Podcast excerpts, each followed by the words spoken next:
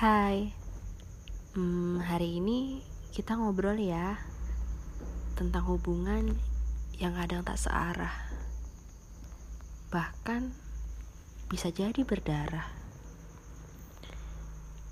Jangan takut ya saat kamu tak kunjung menemukan seseorang yang tepat.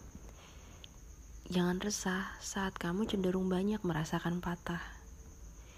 Seperti sisi uang koin, meski satu tapi memiliki dua wajah yang berbeda.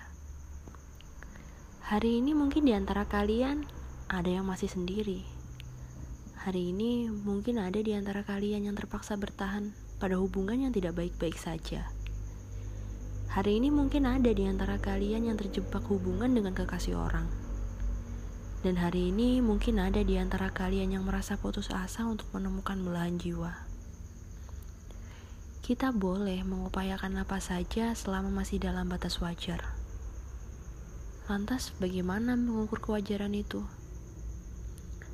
Selama kita tidak menyakiti orang lain dan menjadi benalu untuk hidupnya, maka kita boleh saja memperjuangkan apa mau kita. Pernah dengar pepatah yang berbunyi, "Apa yang kita tanam, itulah yang kita tuai." Ya, itu memang benar. Percaya atau tidak, hidup ini memiliki hukum kausalitas. Apa yang kita lakukan akan bertimba balik pada diri kita kita nggak perlu buru-buru untuk memiliki pasangan. Dan tidak perlu risau saat kamu sendiri namun temanmu bergandengan. Cinta itu bukan soal lomba siapa yang lebih dulu dan siapa yang belakangan. Tapi cinta itu perkara ketulusan, kebaikan, dan juga rasa ikhlas. Percuma jika yang kau sebut cinta itu ternyata hanyalah sebuah pembelaan untuk melegalkan hubungan terlarang dengan seseorang yang sudah memiliki pasangan.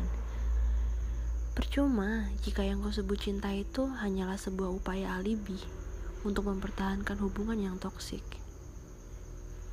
Percuma jika yang kau sebut cinta itu hanyalah sebuah bahan pamer kepada teman-temanmu bahwa kamu sudah memiliki pasangan dan hanya sekedar bahan pamer untuk menunjukkannya.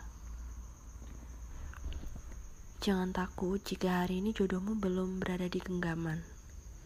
Bukankah kita tidak pernah tahu kebaikan apa yang sedang disiapkan Tuhan? Sembari menunggu jawaban semesta, maka berupayalah dengan maksimal. Perkuat doa dan perbaiki diri. Tak perlu terburu-buru. Kadang kita justru banyak melewatkan hal-hal baik karena sibuk berlari. Padahal dengan berjalan kaki, sebenarnya kita bisa mendapatkannya. Hiduplah dengan sebaik-baiknya.